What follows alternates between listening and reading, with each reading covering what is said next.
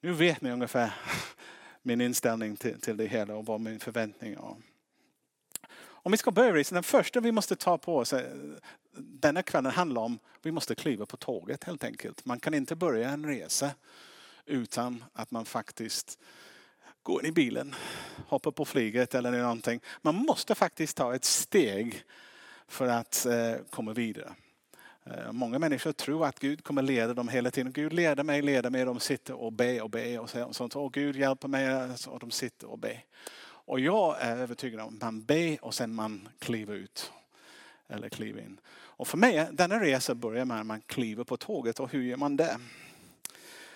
Det är inte så lätt som man tror. För vi är barn av vår tid. Och vi, är, vi präglas mer än vi anar av vår tids kultur och, och, och tankesätt.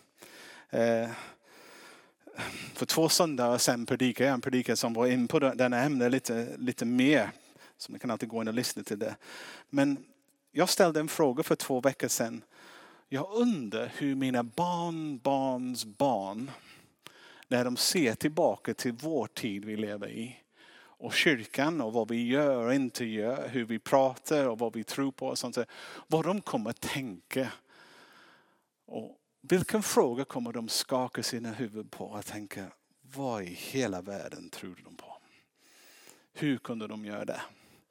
För jag tror de kommer göra det lite mycket som jag när jag läser reformat historia eller sånt. När jag tänker Luther och Zigwigl och all de. Hela tanken, man, med lite distans, lite mer avstånd. Man ser helheten mer och man ser att Gud försökte väcka igen hans ord, Bibelns plats i livet. Men de gubbe, de upptäckte det men sen tänkte de jag tar Bibeln och jag slår det på folk. Och försöker få dem att följa lagar som de inte skapat för. Alltså det, man tänker, ja de fick det men varför i hela världen började de göra det? Zigwill till och med började avrätta människor för att de hade syndat och sånt. Man tänker, hallå? Men han var en människa i sin tid. Han hade svårt att ta av sina tids glasögon och ha lite distans till det hela. Så han kunde fatta vad var kanske en mer sunt sätt att, att förhålla sig till saker och ting. Och jag, jag sa för två veckor sedan också i kyrkan, jag sa jag tror med min profetiska syn, även om det är bristfälligt och inte så, så skärpt som det borde vara. Jag tror att de kommer skaka på huvudet för hur självfixerad vi är.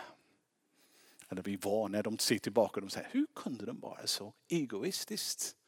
Hur kunde de utgå ifrån sig själv så mycket? När jag, när jag läser hur de tänkte, vad de skrev, vad de gjorde. Jag, de kommer, jag, jag tror de trodde att de var universums centrum och allt gick ut ifrån dem. Och de kommer tänka, men var de inte logiska? Kunde de inte fatta att de var bara människor? Kunde de inte se att denna typ av levande kommer ha konsekvenser med massa ångest och massa ja, man kommer inte må bra av det. Man kunde bara koppla. De försöker leva på ett sätt och de mår inte bra. De, varför kunde de inte ställa frågan, varför mår jag inte så bra? Varför kunde de inte tänka bak några steg och, och tänka lite konsekvent och tänka vad var det som, som, som påverkade dem? Och de hade så mycket ångest. De kommer se tillbaka på tiden. De är så oroliga hela tiden i hela kyrkan, eh, i hela världshistorien, det har aldrig funnits en tid som egentligen är så fridsam och så trygg som det är idag. Men vi är de mest oroliga människor som har någonsin funnits. Alla generationer har haft sjukdomar, spansk, influensa, krig, allt sånt som de har tänkt på. Och vi har nästan ingenting att vara rädda för. Ja, vi är rädda för, vad heter de? De små lite flugor när man ligger på gräset fästingar. Sveriges farligaste djur, en fästing. Men ni förstår? De kommer tänka att, eh, att vi är det. Nu. Ehm, samtidigt måste jag säga att den är självfixerande, eller självfixerande som vi är mitt uppe i nu i vår kultur är, tror jag, en resultat av en överfixering på den stora och personlig Gud som kyrkan förkunnade tidigare. Om man bara går tillbaka några hundra år, det var kyrkan som var jätteviktig. Individen hade ingen plats, det var bara en liten obetydlig mask. Och det var kyrkan som det stora, Guds grejer. Och, och prata om en personlig tro på Gud, det var nästan en främmande tanke. Du är döpt, du är med i kyrkan, du, du är kristen. Du har... Den personliga sidan hade inte betonats alls. Det var mer den stora. Och, och kyrkan i sin dumhet bland hotade folk. Vi kommer utesluta dig. Och de var oroliga. Jag är utanför kyrkan. Förstå, det var det stora som var den viktigaste. Och den individualistiskt tänkande av att jag faktiskt möts Gud som individ. Eller Gud möter oss faktiskt som individer.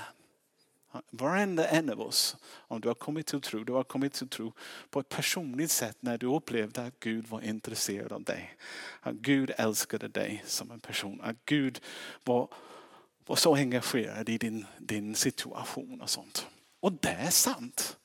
Om vi skulle glömma bort det, då skulle vi glömma bort någonting som är så i sin väsen kristet. Så vad jag försöker nu när jag gör en annan betoning, för jag, jag gjorde en betoning som var till exempel vi pratade om att eh, ja, jag tog emot Jesus och jag säger, kan man göra det egentligen? Är det inte att vi kliver in i Jesus? Egentligen Paulus skriver mycket av i Kristus. Och när vi kommer till tro, vi, vi faktiskt, det är lite grann som när vi simmar i havet och en räddningsbåt kommer och plockar upp oss. Det, vi, en hand sträcks ut och vi plockas in i räddningsbåten. In i Kristus. Och när man kommer in, man märker att man är inne i någonting betydligt större än sig själv. Man, är, man har kommit in i Guds liv. Och visst är det sant att vi bjuder Gud i vår liv men, men hela Gud finns, han är lite för stort för att bara fylla mig. Han har skapat hela universum, alla stjärnor i det. Och yes, han fyller mig men han är betydligt större än den biten som fyller mig. Även om jag kan bli uppfylld. Om det var så, det skulle vara underbart. Men så, så ni, förstår ni vad jag försöker säga? Att eh, det finns en personlig perspektiv men det också finns den stora perspektivet. Och jag vill inte att vi tappar den personliga, den närvaron, att Gud är intresserad av mig. Gud talar till mig personligen. Han är inte en Gud som är långt borta och intresserad av mig. Han är så mycket nära att jag kan höra hans hjärta pumpa. Han kan ge mig personligt tal och, och säga något. Okay? Men vad jag vill är att vi behåller det och lyfter det in i det stora. För om man kan göra den hopp, då bygger man en tro på någonting som är så mycket större än dig själv och ger en trygghet som, som faktiskt vi alla behöver för att kunna leva och fungera. Eh, och eh, denna resa börjar med egentligen sanningen att livet handlar inte om mig. Livet handlar inte om dig. Så, så här är det, jag kan tro att livet går runt hela livet, från min perspektiv i alla fall. Jag är centrum av min värld. Men om jag dör ikväll, imorgon denna värld kommer fortsätta. Jag tror det. Trots att jag inte är med. Min lilla delen, delen är inte där, men det hela finns kvar. Och, och, och, det är väldigt viktigt att vi ser vårt perspektiv även som kristen. Även som kristen. Jag har hela frälsningshistoria, hela Guds rikes utveckling. Jag är en del, jag, jag, jag klev in i, i och blev en del av den stora Guds verk. Men den stora Guds verk var större än mig. Det är ett viktigt perspektiv att ha. Det ger så mycket trygghet, för det handlar inte bara om mig. När allt börjar gå fel, det är inte bara mig. Och jag behöver inte vara så ängslig, men om du har total kontroll över ditt liv allt börjar, och, och mår du inte bra, då, då hela din värld mår inte bra. Men min värld kan må bra och jag kan må mindre bra. Jag kan vara sjuk och min värld ändå jättebra. För att jag är inte min, min sammanhang. Men jag försökte vara så tydligt jag kan med detta. Men har ni fattat det? Den perspektiv som, jag säger hela kyrkan har gått från en dike till en annan. Eh, om man läser kyrkans historia, vi överbetonar en sak och sen tänker oj, oj det var alldeles för, Gud är alldeles för stor, inte opersonlig så vi går och sen vi knuffar mot väggen på denna sidan. är ja, ja, jag vill, jag lovar dig, jag är så glad. Gud, jag är glad att jag är här. Lite grann sådär. Det är den andra diket. Och vi går sådär. Och målet är egentligen att vi, vi försöker inse att, jag, jag nästan skulle säga vi gör inte det, men jag är inte säker vi fixar det. Jag tror faktiskt vi kommer gå bom, bom, bom. På det sättet kommer vi gå framåt. Det är det. Eh, kanske du kan säga att du har ingen tro. Jag säger, nej, jag har en verklig, verklig tro att när jag har sett på vad som har varit och jag, jag misstänker att vi kommer vara lika dumma som våra förfäder på den punkten. Eh, eller, kanske inte dig, men eh, när de ser tillbaka till min tid, de kommer säga ja, de var lika som de alla andra som har gått förut. Eh, så meningen med mitt liv är mycket viktigare än mitt eget självförverkligande. Min sinnesro eller min lycka. Den är mycket viktigare än min familj, eh, min karriär eller mina vildaste drömmar och ambition. Om jag vill veta varför jag hamnade på den här planet måste jag börja med Gud. Det finns ingen annanstans att börja. Och eh, jag är född av hans vilja och för hans syfte. Jag läste en vers, läste en vers från Johannes 14 och 16. Jesus säger jag är sanningen, vägen och livet. Jesus säger jag är livet. Vill du ha liv? Kliv in i mitt liv. Det är vad han bjuder oss. Han bjuder oss egentligen in i hans liv. Vår uppdrag som församling är att fortsätta göra hans verk på det sättet han gjorde det med den tanke, den passion, den kärlek och den ödmjukhet. Vi är, vi är in i honom. Eh, så, så jag skulle säga om vi vill börja förstå varför jag finns till, vad handlar livet om. Det, vi kan inte, det är omöjligt att betrakta det från min egen perspektiv. Lite grann som jag har inte skapat mig själv. Om jag vill veta vem jag är, jag måste fråga den som gjorde mig. Om, om du hittar en dator som det, om du aldrig sett en dator förut och du bara ser en som det. Tänk, vad i hela världen är det? Då måste du prata med den som gjorde det. De kommer förklara vad det är för något och vad syftet med det är. Och så är det med oss. Om vi vill veta varför finns jag till? Det gäller att kunna fråga han som skapade mig. Och utgå ifrån vad han säger. Inte ifrån vad jag känner eller funderar över. Eh, livet är någonting man kliver in i. Den stannar inte när du dör. Jag skriver så. Så, ta bilden på tåget. Ikväll, jag ska säga till er, ni kommer inte förstå vad livet handlar om. Om inte du är beredd att vända ryggen på dig själv. Och nästan kapitulera för att säga att jag själv kan fixa det. Utan att vända dig 180 grader om och kliva in i Jesus eller kliva upp in i tåget. För det är bara då som man kan börja förstå varför jag finns till och vad livet ska handla om. Nu, jag, jag skulle också påstå tvärs emot många böcker, populärböcker, filmer eller seminarier påstå att hittar man livet inte genom att se in i dig själv. Alla självhjälpböcker, har, har ni läst dem? Hur man hur hjälper dig att bli bättre? Hur många gånger har du tvungen, varit tvungen att läsa dem? Jag gick i officerträning i brandkåren och alla officerare leder utvecklingskurser måste jag läsa en annan bok och skrivit hur jag är mer effektiv. Hur jag mer kan förverkliga med dem och så, hur jag ska göra det, hur jag ska, jag tänker. Och sen man går i en kristen bokhandel och det är fyllt med liknande böcker och jag tänker, hör de hit?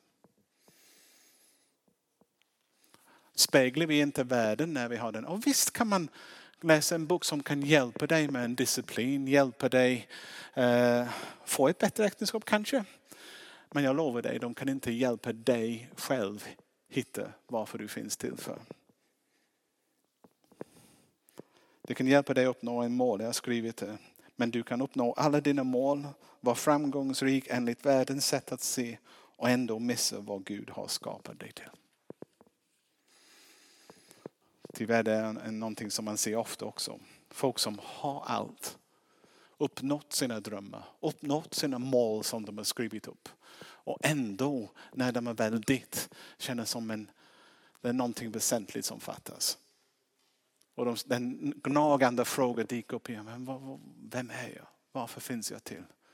Vad, vad, vad handlar det denna livet som jag har levt hittills om? Och vad är viktigt? Och då äldre man blir, det mer viktigt den frågan blir. När man har mindre tid framåt än vad man har eh, innan. Eh, hur kan, om vi skulle ställa frågan, hur kan vi upptäcka vad vi har skapat för? Egentligen finns det bara två sätt. En av dem är spekulation. Eh, och det är vad vi sysslar med för det mesta. Ja, om, eh, man försöker komma på en bra gissning. Och man kan ställa olika frågor och folk har ställt denna fråga under alla tider.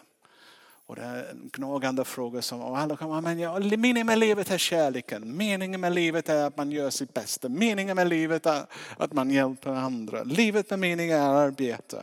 De kommer med förslag efter förslag efter förslag. Om man är ärlig, man, man brukar säga, jag har ingen aning. Nu i denna boken som Rick Warren skrev, han, han skriver om en eh, professor i USA som heter Hugh Moorhead. Eh, som var professor i filosofi i Illinois universitet. Och han skrev till 250 av världens främsta filosofer, vetenskapsmän, författare eh, och intellektuella. Och han ställde frågan, vad är meningen med livet? Han fick svaret tillbaka, men ja, jag vet inte riktigt men jag tror att det kan vara här. Och hans tanke var att jag skriver en bok efteråt om alla de tankar. Så det var han gick ut ifrån. jag vill ha ditt svar för jag kommer skriva eh, en bok om, om livets mening. Och så han fick så många olika svar och sen många av dem var väldigt ärliga och sa jag vet inte riktigt. Men eh, jag, jag har gjort mitt mening med mitt liv till att betyda si eller så. Och sen han fick en handfull som skrev tillbaka, jag har ingen aning. Men om du kommer på det kan du skriva tillbaka och berätta för mig. Så, ungefär så är det. Men om du, om du läser vetenskapligt, om du lyssnar till tv och folkdiskussioner. du kan höra vad som helst. Och det är spekulation. Man kommer fram till, ja, jag tror så här eller jag tycker så här. Men det finns en annan. Så att du kan följa det spåret eller du kan följa en annat spår. Det andra spåret är uppenbarelse. Och det är att det finns en Gud som uppenbarat sig själv och som hela tiden försöker tala om för dig varför du finns. Och han har gjort det genom sitt ord. Och det finns ett bibelord också som vi kan ha upp nu, första Korinthierbrevet. Jag vet inte. Vishet förkunnar vi dock bland de vuxna. En vishet som inte hör till den här världen eller den här världens härskare. Som går mot sin undergång. Nej, vi förkunnar Guds hemliga och fördolda vishet som Gud från evigt har bestämt ska bli till härligt för oss. Hela den kapitel där i eh, Andra Korinthierbrevet 6, eh, Andra, andra Korinthierbrevet 2 handlar lite grann om att ja, folk säger vår dum, Guds dumhet är starkare än världens klokhet. Och att om vi vill följa listan till de kloka som världen har kommit till, vi kommer spekulera. Men Gud säger, jag har en vishet som är dold men jag kommer undervisa er. Och han säger, Gud är inte bara starten i livet, han är ursprunget.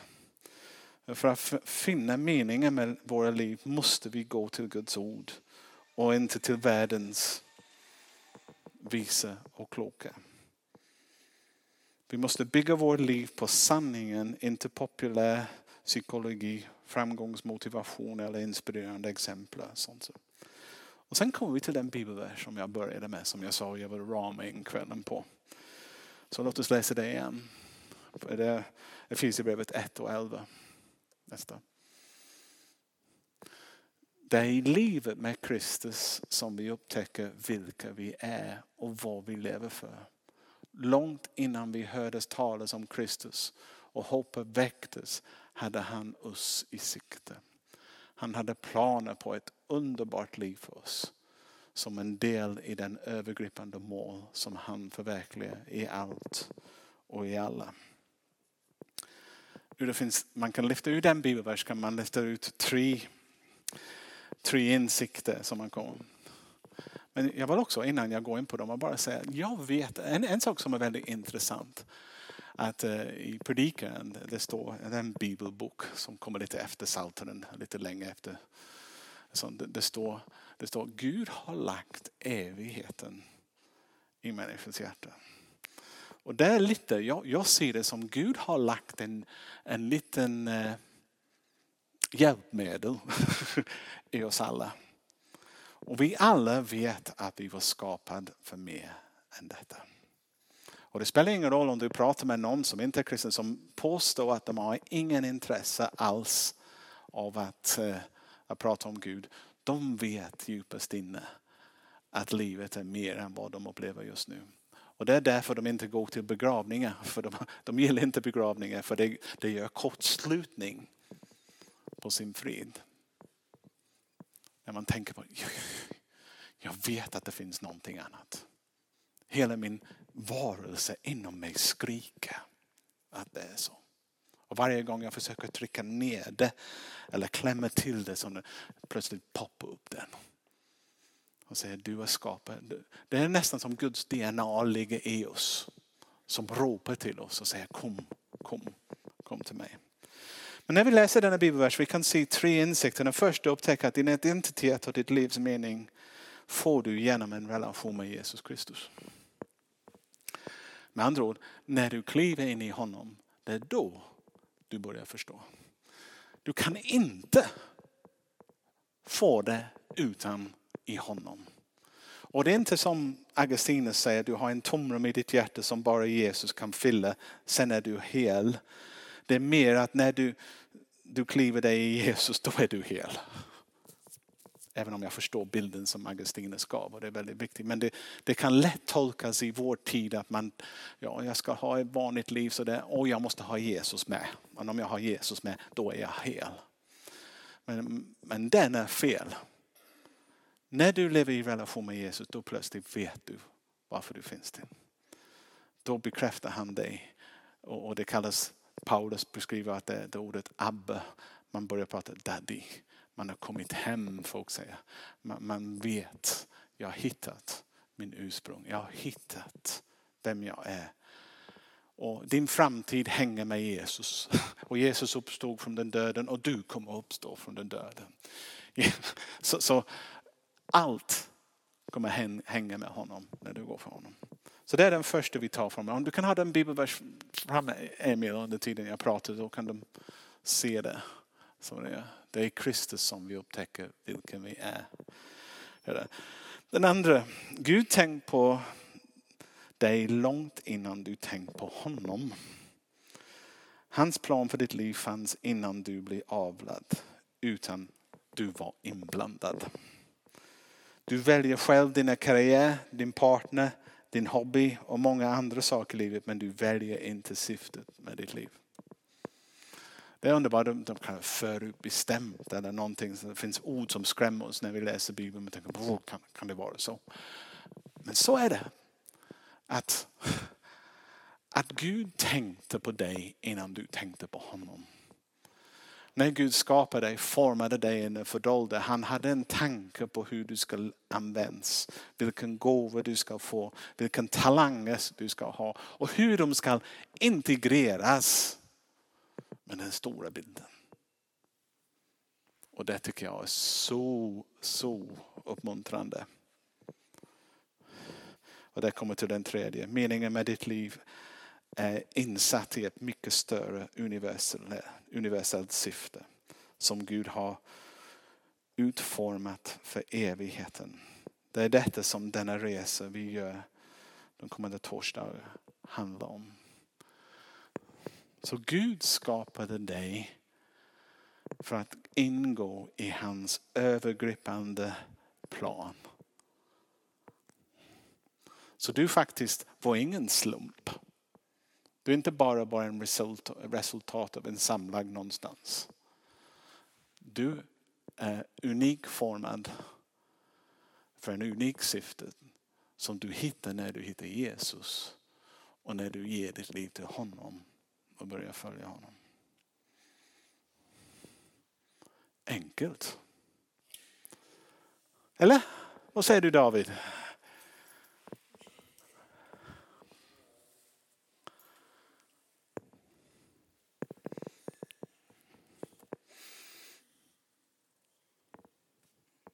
Jag tycker inte det är rocket science. Jag tycker det är ganska enkelt själv.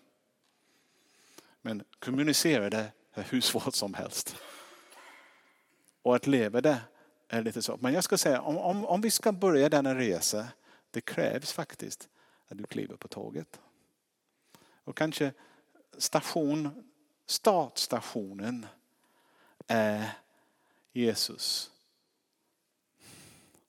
Det är du som är meningen med mitt liv. Och jag kan inte leva efter mitt sätt att tänka. Jag underordnar mig, jag kliver in i dig nu. In i det liv du har för mig.